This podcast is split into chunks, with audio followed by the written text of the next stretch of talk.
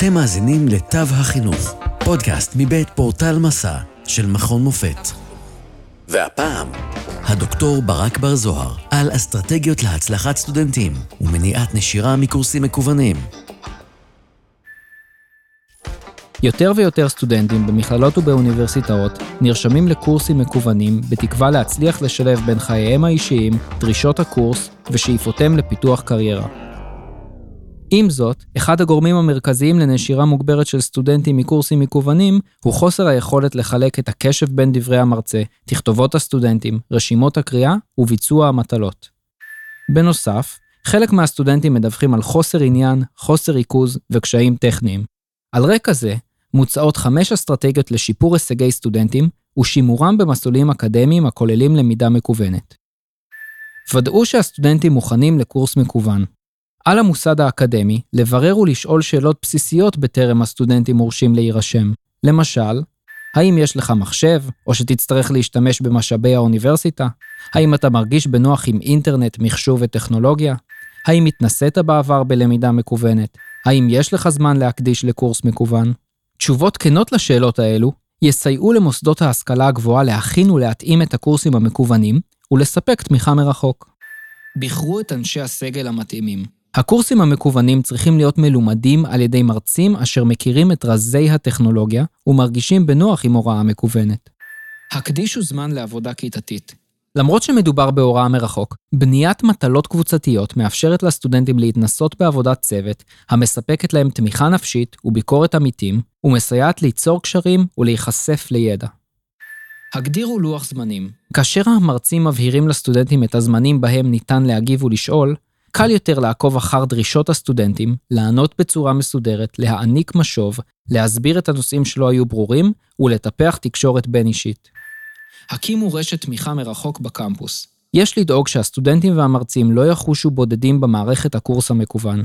חשוב לוודא שיש להם גישה למשאבי תמיכה טכניים יעילים, ושמוצעת תשתית אינטרנטית וממוחשבת חדישה.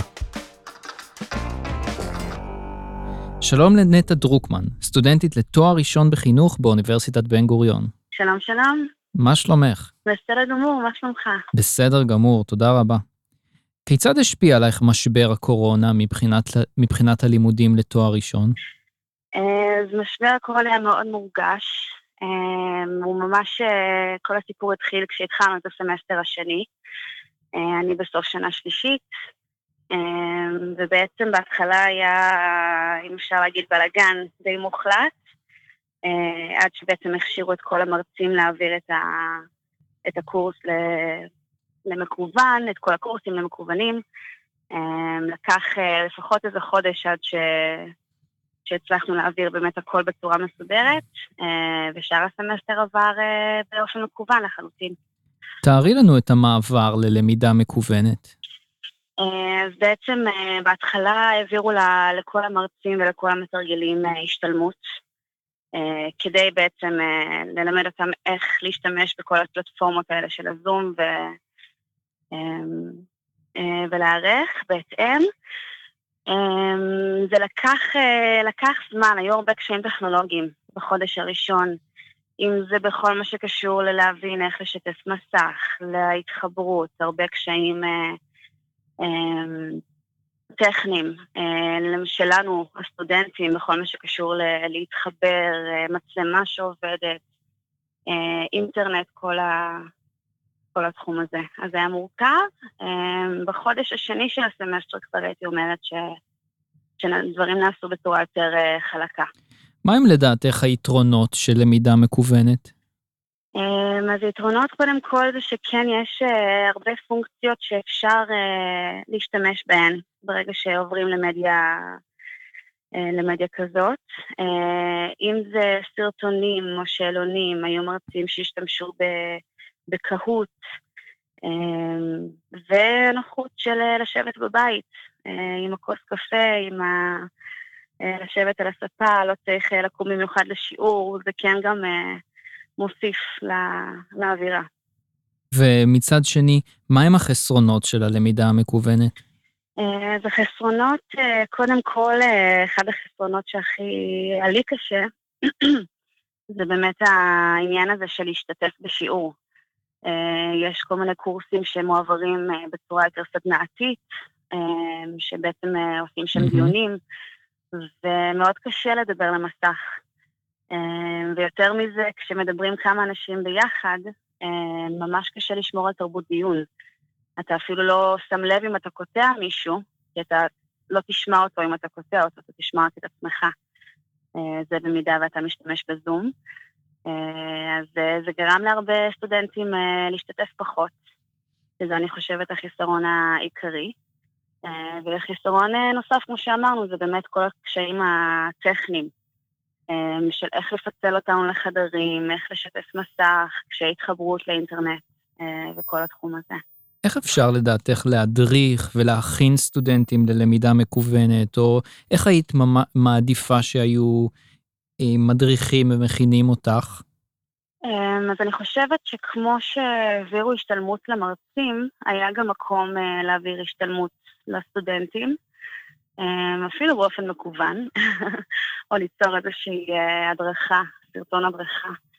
אמ, הרבה סטודנטים התקשו בעיקר עם העניינים הטכניים של אה, להפעיל את המצלמה, את המיקרופון, אמ, כל העניין הזה, אה, אם זה מבחינת רשת אמ, יציבה של וי-פיי.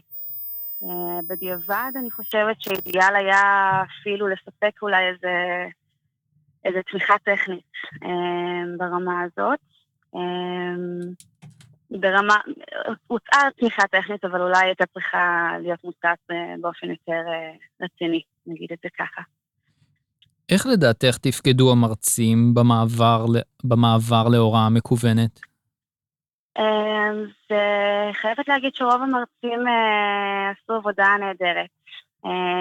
כן היו הרבה קשיים, היו המון אתגרים, אבל בסך הכל העניינים נעשו ככה באופן אה, חשוף ומשתף, אה, אז השקיפות מאוד מאוד הוסיפה. אה, מרצה ש, שמסביר תוך כדי שהוא לא מצליח לשתף מסך, ואנחנו עוזרים לו, זה ככה דווקא יצר איזושהי אינטימיות הרבה פעמים.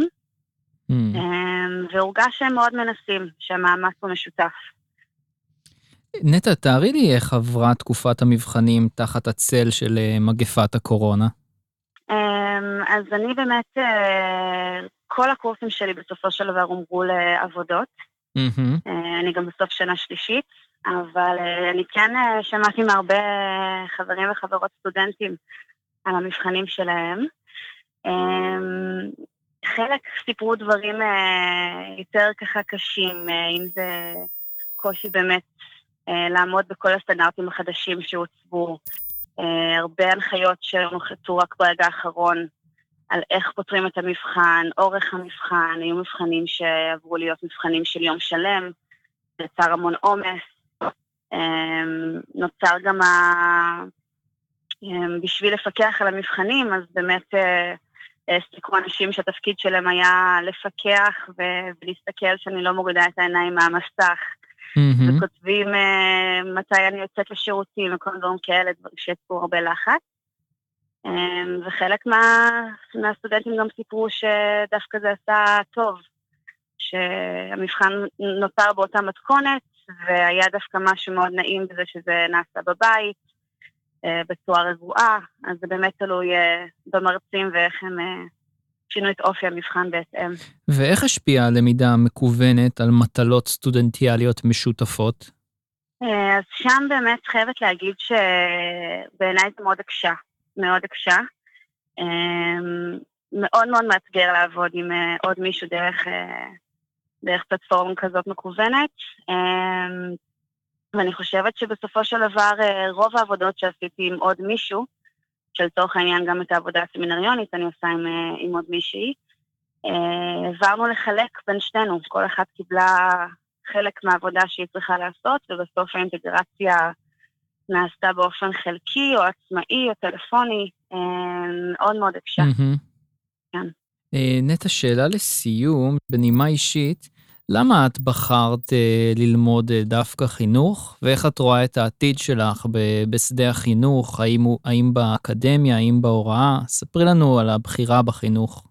אה, אז אני בכלל התחלתי תואר במדעי המוח, ורק בהמשך עברתי לחינוך, כי הבנתי ש... שהייעוד שלי נמצא שם. ברגע גם שצברתי יותר ניסיון, הבנתי שזה הכיוון. אמ, חינוך אה, תמיד היה צריך ותמיד יהיה צריך, אה, ותמיד תמיד תמיד יהיה מקום להשתפר בו. אה, משהו שמאוד נוגע לי. גם שמחתי לגלות ש... שתחום החינוך ב... בהיבט האקדמאי מאוד, מאוד קורץ לי. אני מאוד אוהבת את, את הלך הרוח, את, את, את האופי שבו המחקר מתנהל, לפחות באוניברסיטת בן גוריון. Mm-hmm. אה, ממה שנחשפתי, אה, ואני רואה את עצמי גם אה, ממשיכה הלאה לדוקטורט. אני כרגע מתחילה תואר שני בייעוץ חינוכי. במטרה להיות יועצת במערכת החינוך. נשמע מעניין מאוד, ואנחנו מאחלים לך באמת בהצלחה. נטע דרוקמן, מהחוג לחינוך באוניברסיטת בן גוריון, תודה רבה לך שהקדשת מהזמן שלך. תודה רבה. לעוד מידע על למידה מקוונת, היכנסו לאתר portal.macam.ac.il p-o-r-t-a-l נקודה m-a-c-a-m נקודה a-c.il עד כאן מהפעם. תודה שהאזנתם לתו החינוך, פודקאסט מבית פורטל מסע של מכון מופת. פרקים נוספים תוכלו למצוא בפורטל מסע, או באפליקציית הפודקאסט האהובה עליכם. אתם מוזמנים לשלוח לנו תגובות, רעיונות, לשתף עם אחרים ולעשות מנוי לפודקאסט תו החינוך. התוכנית הוקלטה ונערכה במרכז המידע במכון מופת. נשתמע בפרק הבא.